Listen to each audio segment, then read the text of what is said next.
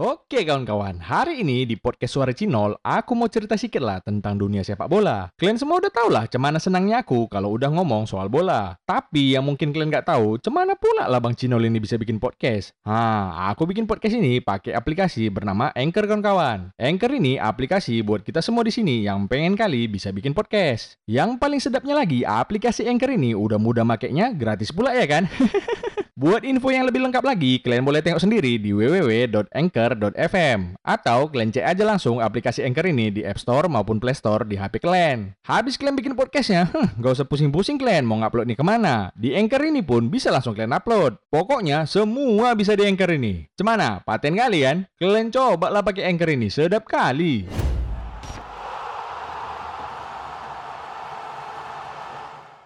Oke kawan-kawan, hari ini aku mau cerita sedikit lah tentang prediksi 8 besar Euro 2020 ini. Tapi sebelum itu, kita bahas dulu lah kejadian-kejadian di babak 16 besar kemarin ya kan? Sorry kali lah Yowe nggak sempat bikin prediksi 16 besarnya, karena mepet kali pertandingannya. Baru aja aku mau ngomong, oke kawan-kawan, udah mulai pula 16 besarnya.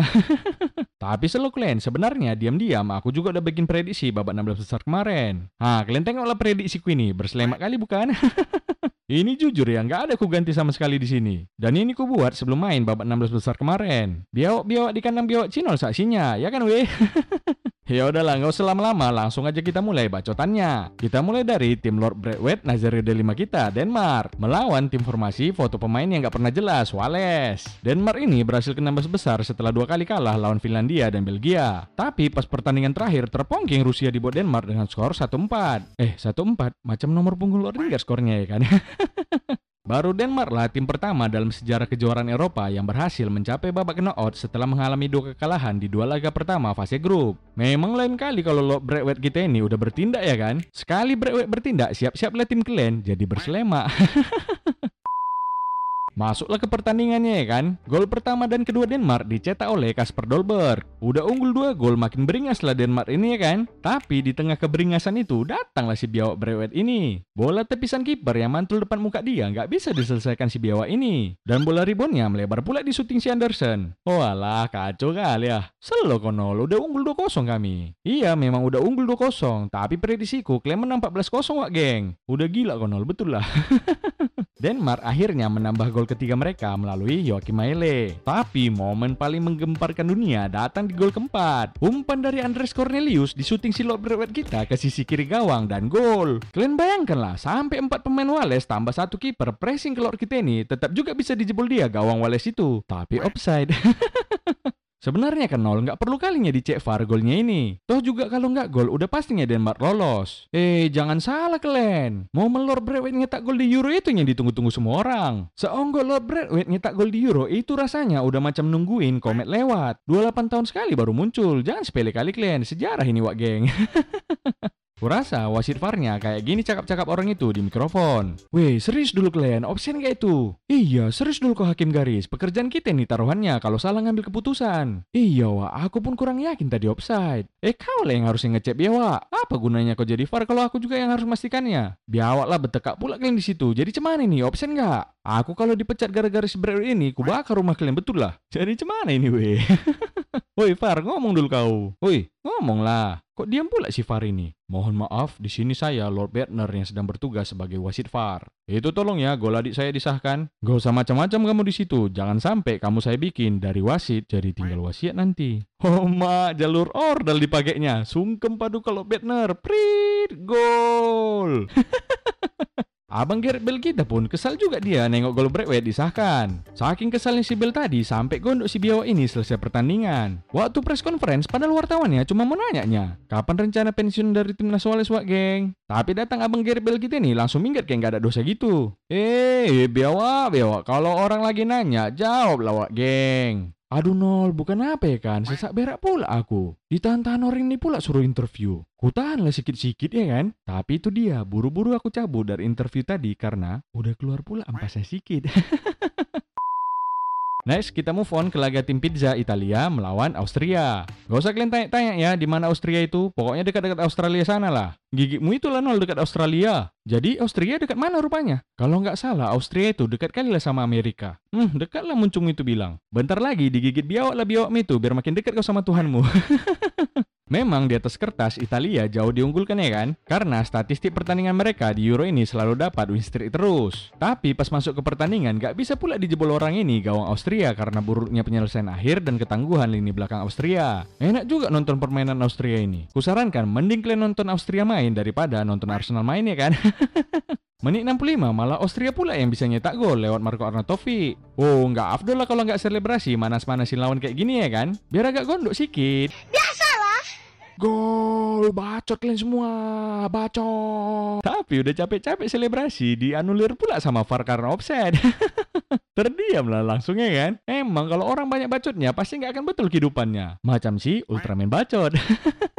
Sampai waktu normal nggak bisa lah ditentukan pemenang dari laga ini. Habis itu masuklah babak extra time. Barulah di sini mati-matian kedua tim ini main demi satu tiket ke delapan besar. Tensi di babak tambahan ini juga makin besar sampai-sampai pemain Italia suka buat gestur tangan kayak gini ngomong ke wasit. Apalah artinya bikin tangan kayak gini? Ini kalau di sekolahku dulu bikin gestur tangan kuncup macam ini udah auto dipukul guru lah pakai penggaris panjang karena ribut kali.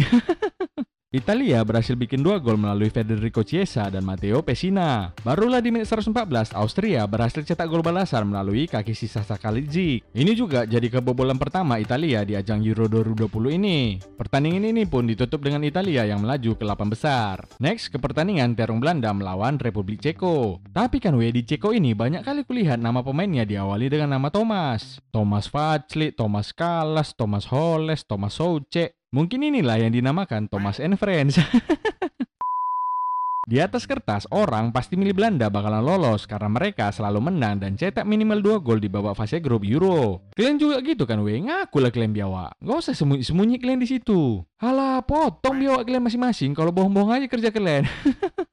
Peluang pertama Belanda didapatkan sama si Delit. Udah bagus-bagus dapat kursi manja di depan gawang lawan, eh dibuang dia pula bola itu. Habis itu si Malen dapat bola tinggal bayuan sama kiper. Tapi datanglah si biawak ini kelamaan mikir, oh lengket lah sama kiper. Anak SSB mana sih ini kok bengak kali? Hmm, pernah masuk SSB Arsenal pulanya, pantas lah. Kenapa lah nggak kocip aja bola itu, dek? Kok contoh lah si Linggar, one by one sama kiper dicipnya bola. Tapi melambung. Habis itu balik pula lah bertingkah si Delit ini. Dibuatnya pula dribble bola basket di sepak bola. Kau kalau mau jago-jagoan main basket, mending kalau aja pebasket sombong abang Denny Sumargo itu ya kan? Tapi habis itu kepala kau di 3 point sama dia. Udah tiga lah pemain Juve ngelawak di Euro ini. Memang agak lain lah kalau sentuhan tangan guru Penjas Pirlo ini. Bisa dibikinnya pemain normal jadi kelainan semua. Udah unggul jumlah pemain, langsunglah dimanfaatkan Ceko kesempatan ini ya kan? Terbukti mereka cetak gol dari Thomas Holes dan Patrick Star. Tumben-tumbenan ada Patrick yang mantap. Biasanya yang namanya Patrick ada heng-hengnya kadang-kadang. Macam Patrick yang ini contohnya. Di pertandingan ini nggak ada satupun syutingan Belanda yang on target, biawak kali ya. Dulu pas menjajah Indonesia on target semua tembakan Glenn. Sekarang di Euro lawan Thomas and Friends nggak ada yang on target. Bukan apa ya kan, gara-gara kalian nggak on target, prediksiku pun jadi meleset. Ini lagi si Depay, pas penyisian grup Belanda macam singa yang ada di punggungnya itu. Tapi pas babak kena out, Belanda macam singa juga. Tapi gambar singanya macam habis baru pulang dari Lapo Tua inilah. Akhirnya, Ceko secara permainan layaklah menang atas Belanda dengan skor 2-0. Next, kita ke pertandingan big match Belgia melawan Portugal. Ini ranking 1 FIFA melawan juara bertahan Euro 2016. Belgia duluan membuka keunggulan melalui Hazard menit 42. Tapi bukan Hazard yang ini ya wak geng. Kalau Hazard yang ini cuma jadi beban BPJS Madrid aja lah. Secara statistik, Portugal layak menang juga karena menguasai pertandingan, punya lebih banyak percobaan tembakan ke gawang 23 kali, dan beberapa kali percobaan tawuran yang dipancing sama BTRPP.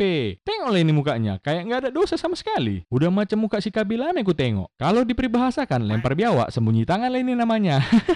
Pertandingan ini pun berakhir dengan Belgia yang lolos ke 8 besar. Dengan lolosnya Belgia ini, tahu kali aku siapa yang paling senang? Siapa rupanya nol? Ya jelas selain punya Coca-Cola. Di saat Coca-Cola ku kau geser, di situlah Portugalmu angkat koper.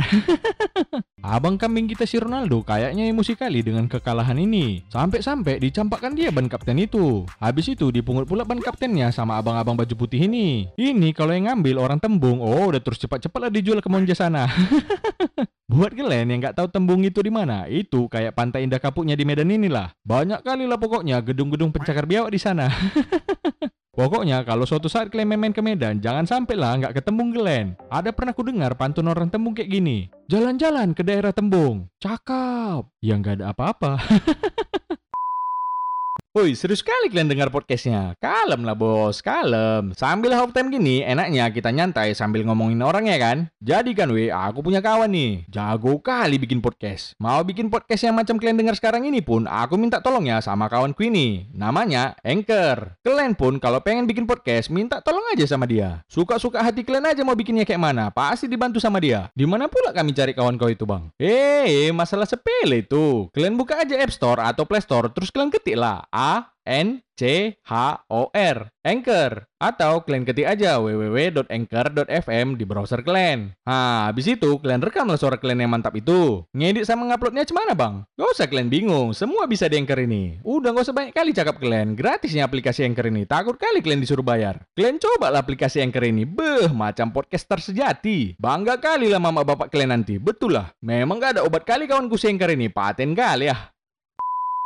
Di babak 8 besar nanti, mungkin Hazard dan si Pinky De Bruyne nggak bisa main lagi. Si De Bruyne cedera karena ditekel sampai tepleko. Kalau si Hazard udah tau lah kalian ya kan, kebiasaan si biawa ini asik cedera terus. Kurasa dibilang si Orman Paris lah kayak gini. Salah beli aku bah. Adiknya rupanya yang lebih bagus. Kalau abangnya bagus juga. Bagus dimasukkan ke klinik Tongfong sana lah. eh, jangan ketawa kalian. Serius ini, ada kawanku pernah cerita pengalaman dia ke klinik Tongfong ini. Dibilangnya lah kayak gini, dulu saya pernah terkena penyakit kencing manis, tapi setelah saya tiga kali berobat ke klinik Tongfong ini, sekarang saya tidak bisa kencing lagi.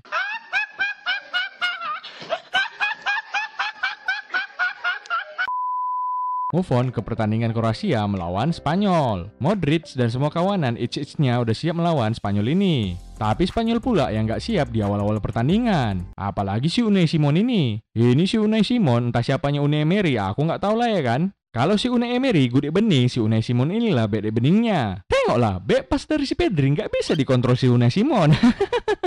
Eh, bewa, bewa, kau parah kali lah jadi orang. Udah kau yang nggak bisa kontrol bola, si Pedri pula yang jadi tumbalnya. Kau jam kali ya. Aku curiga kayaknya ada biawak di balik si Unai Simon ini. Coba kita buka topengnya ya. Oh alah siapeknya rupanya.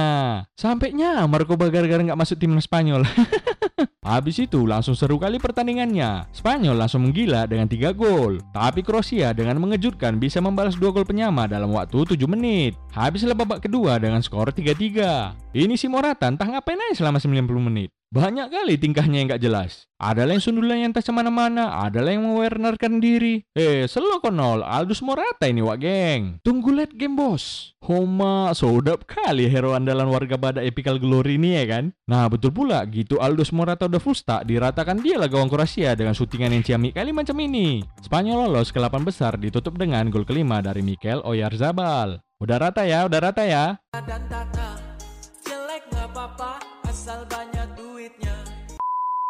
Next ke pertandingan Prancis versus Swiss. Wow, ini nol negara jagoanmu di Euro ini. Tunggulah biawa, biar dulu aku cerita. Kalian kalau udah mau ngejek-ngejek aku, cepat kali muncul kalian itu.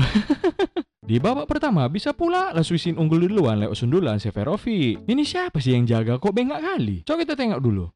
Oh alah si lengket rupanya. Kalau si lengket ini ya udah lah ya kan, udah biasanya dia kayak gitu di Barcelona sana. udah gitu, hampir lagi Swiss ini unggul 2-0 kalau aja penalti Rodriguez nggak ditepis kiper terpongkengham Hugo Loris Karius. Momen inilah kurasa jadi titik kebangkitan Prancis. Tiba-tiba sekejap mata bikin dua gol pula si Benzema dan satu gol lagi dari tendangan roket si Paul Pogba. Syung, ciamik kali ya. Di grup kandang biak Cino langsung laku sibuk ngomporin biak-biak ini. Udah, jelas ya? Kalian bandel dibilang Prancis juaranya ini. Tapi rupanya bisa disamakan Swiss skornya jadi 3-3. Langsunglah diketawain biau-biau ini aku di kandang. Gak tau lagi lah aku mau bilang apa nengok kepawaan Prancis ini. Ketawa aja lah aku sambil ku keluarkan emot batu. Aku sendiri pun gak tahu apa artinya emot batu ini. Cuma kalian tengok lah geleng-gelengannya itu ngejek kali, gak tahan kali aku. Ha, bagi kalian yang tahu apa artinya emot batu ini, coba kalian tulis di komentar. Lanjut ke babak extra time, Prancis dapat peluang emas. Udah one by one situation sama kiper, tapi datanglah si Mbappe ini menghiguainkan diri pula dia, biawak kali ya. Oh alah Mbappe, Mbappe, itulah kebanyakan cosplay kura-kura ninja pula ya kau, makanya syutinganmu jadi macam tinja. Habis babak extra time masih nggak ada gol tambahan. Lanjutlah ke babak yang paling diinginkan semua orang, yaitu babak adu penalti. Aku udah yakin Perancis menang ini karena si Loris tadi bisa nepis penalti Rodriguez. Pas adu penaltinya, empat penendang dari masing-masing negara berhasil mengeksekusi penaltinya termasuk penendang kelima Swiss. Tapi datanglah penendang kelima Prancis, si Biao Mbappe ini. Hmm, gagal pula lah penaltinya. Beruntung kali lah Swiss ini punya kiper jago macam si Jan Sommer. Coba kalau kiper Swiss macam DG ya, beh, udah dikasih contean pun masih aja berselema. Karena kegagalan Mbappe ini mengeksekusi penalti, jadi terpongenglah Prancis ya kan? Eh, biawa, biawa nggak malu kok sama Lord Bradwet. Dia aja udah nyetak satu gol di Euro ini. Datang kau udah golmu pun nggak ada, gagal pula kau nendang penaltinya. Hmm, udahlah, saranku mending ganti aja lah namamu dari Kylian Mbappe jadi Kylian Bangke. Tapi janganlah kalian ejek-ejek si Mbappe ini. Calon-calon balon dior ini bentar lagi. Nanti tiba-tiba bisa dibawanya Prancis juara Copa Amerika, terkejut pula kalian. Lanjut ke pertandingan seru berikutnya antara Inggris melawan juara Piala Dunia 2014 Jerman. Untuk pertama kalinya di Euro ini diturunkan Jerman si Werner sejak menit awal ya kan? Sepele kali Jerman ini nengok skuad gerbang selatan. Ah Inggris kan gak ada Lingard, backnya pun si Maguire, udah turunkan aja si Werner. Sampai habis babak pertama masih imbang lah kosong-kosong. Petaka sebenarnya berawal di menit 68. Digantikan si Joachim Low pula si Werner sama Gnabry. Si Wernernya jimat Jerman ini yang sebenarnya. Nah, terbukti habis dia keluar, Inggris langsung unggul 2 gol dari Sterling dan Harry Kane. Jerman juga bukan tanpa peluang. Si Muller sempat satu lawan satu sama si Pickford, tapi mewernerkan diri pula dia. Mip mip mip mip, The Lord Werner. Habislah pertandingannya kan, Inggris pun lolos ke 8 besar. Udahlah Bang Nol, gak usah banyak kali lah bacotmu. Gara-gara prediksimu, Jerman jadi terpongkeng. Tanggung jawab lah kau Bang, udah nangis kau bikin anak orang ini. oh iya, udah gugur pula semua tim grup neraka di 16 besar ini ya kan? Hah? Gini doang grup neraka? Iya nol, emang kayak gini lah grup neraka. Belum apa-apa, udah dipulangkan kami ke neraka sana. di pertandingan ini, Lo Maguire kita jadi man of the match pula. Di timnas jagonya dia, tapi di MU berselema yang bukan main. Apa jangan-jangan MU ini sebenarnya yang bikin pemain jago jadi berselema? Hati-hati lo Bang Sancho, betul lah. Nanti pas di MU, siap-siaplah kau berubah dari Sancho jadi Sancho Pomoting. Pertandingan ini pun menjadi pertandingan terakhir Joachim Low melatih Jerman. Nantinya dia bakal diganti sama psikopat Jerman lainnya, si Hansi Flick. Selama di timnas Jerman, si Joachim Low ini pernah jadi runner-up Euro di tahun 2008, juara Piala Dunia 2014, juara Piala Konfederasi di tahun 2017, dan prestasi yang paling membanggakan kurasa udah lebih dari 14.000 kali garuk-garuk biawaknya ini. Dan yang lebih membiawakannya lagi, ditutupnya karir kepelatihannya di timnas Jerman dengan jilatan mautnya macam ini. Aku nggak tahu lah ini tangannya dari mana ya kan, nggak mau lah aku nuduh yang nggak nggak. Tapi kalau sempat tangannya itu dari kandang biawaknya dan dijilat dia, udah fix lah positif kena flu biawak si Joakim lo ini. Coba lah kita tengok lagi lah sekali lagi jilat tipis-tipisnya ini. Oh, oh, oh. Hai, siapa lah rasanya itu ya kan? Is. Penasaran pula aku. Kita coba aja kali ya. Hmm, rasanya anjing banget. Next, pertandingan Ukraina melawan Swedia. Oh ini, duel dua tim di bawah anjing alias underdog. Ukraina sempat unggul duluan dari tempongan manja Zinchenko yang ciamik kali macam ini. Tapi habis itu Swedia menyamakan skor jadi satu-satu melalui gol Emil Forsberg. Habis itu banyak kali syutingan orang ini ke tiang gawang. Kebanyakan main crossbar challenge kayaknya orang ini pas latihan. Sampai 90 menit gak ada lagi gol yang tercipta. Masuklah ke babak extra time ya kan? Biarpun Swedia gak ada Ibrahimovic, tapi ajaran senior tetap mendarah daging ke pemain Swedia ini. Tengoklah waktu mau buang bola si Marcus Denison sampai tertekelnya pula lah kaki si Artem Biesedin. Pam, keras sekali ya. Auto keluarlah kartu merah ya kan? Habis itu orang pun mikir bakalan sampai adu penalti lah ini. Tapi Ukraina konya Shevchenko bisa bikin gol di injury time menit 120 tambah 1 dari Artem Dobik. Dramatis sekali ya kan? Dan ini untuk pertama kalinya dalam sejarah prediksiku sampai skor-skornya betul pula di Telegram. Masih kalian ragukan lagi prediksiku? Parah kali lah klaim Jawa. Udah naik pada win rate prediksi suara Cinol dari 14% ke 28%. Lanjut nggak nih prediksi 8 besarnya? Lanjutlah nol, biar tahu kami tim yang sebaliknya yang menang. Hah, karena prediksiku sering terbalik-balik, sekarang aku harus memprediksi yang terbalik dari prediksiku supaya hasil prediksinya nggak terbalik. Tapi takutnya kebalikan dari prediksi yang terbalik malah jadi terbalik. Sehingga orang yang udah milih kebalikannya juga jadi terbalik. Soalnya harusnya kebalikannya nggak terbalik-balik ya kan? Ngomong apa ya si Cinol ini? Entah, kebanyakan minum badak siantar kayak gini lah jadinya. Oke, langsung aja ku prediksi ya. Swiss lawan Spanyol. Aku memprediksi Spanyol yang lolos. Tapi biar nggak salah prediksi, kebalikannya aja lah aku pegang. Gitu kan, weh?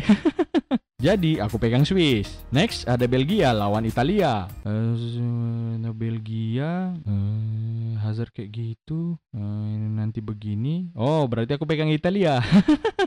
Kalau untuk Ceko versus Denmark, masa sih udah pakai Bradway nggak bisa lolos ya kan? Udah jelas lah yang lolos Ceko.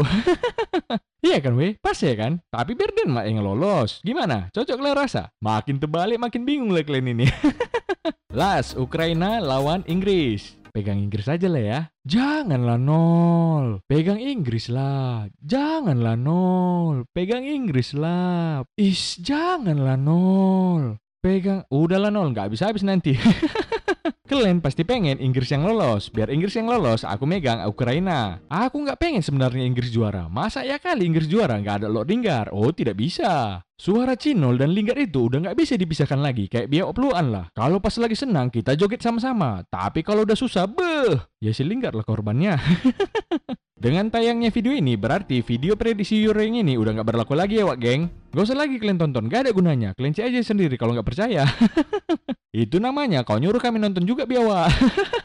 Kalau semifinal dan finalnya nggak usah dulu kita prediksi, nanti berselamat lagi ya kan? Udah kalah juga ya jagoanku di Euro ini yaitu Prancis. Hah, tapi kau bilang kemarin nol kalau Prancis duluan gugur dari Denmark, kau mega pakai dunia utara. Cemana ya kau ini nggak jelas sekali. Eh, biawa, biawa, cemana aku memegang pakai dunia utara? Masih fase grup pun udah leung dia. Cemana nggak leung ya kan? Tim lain serius latihan bola, datang pakai dunia utara ini serius juga. Serius bikin lomba 17-an. Ayo manis, ayo manis. Kamu pasti bisa. Ya, bodoh sekali dia yang mulia.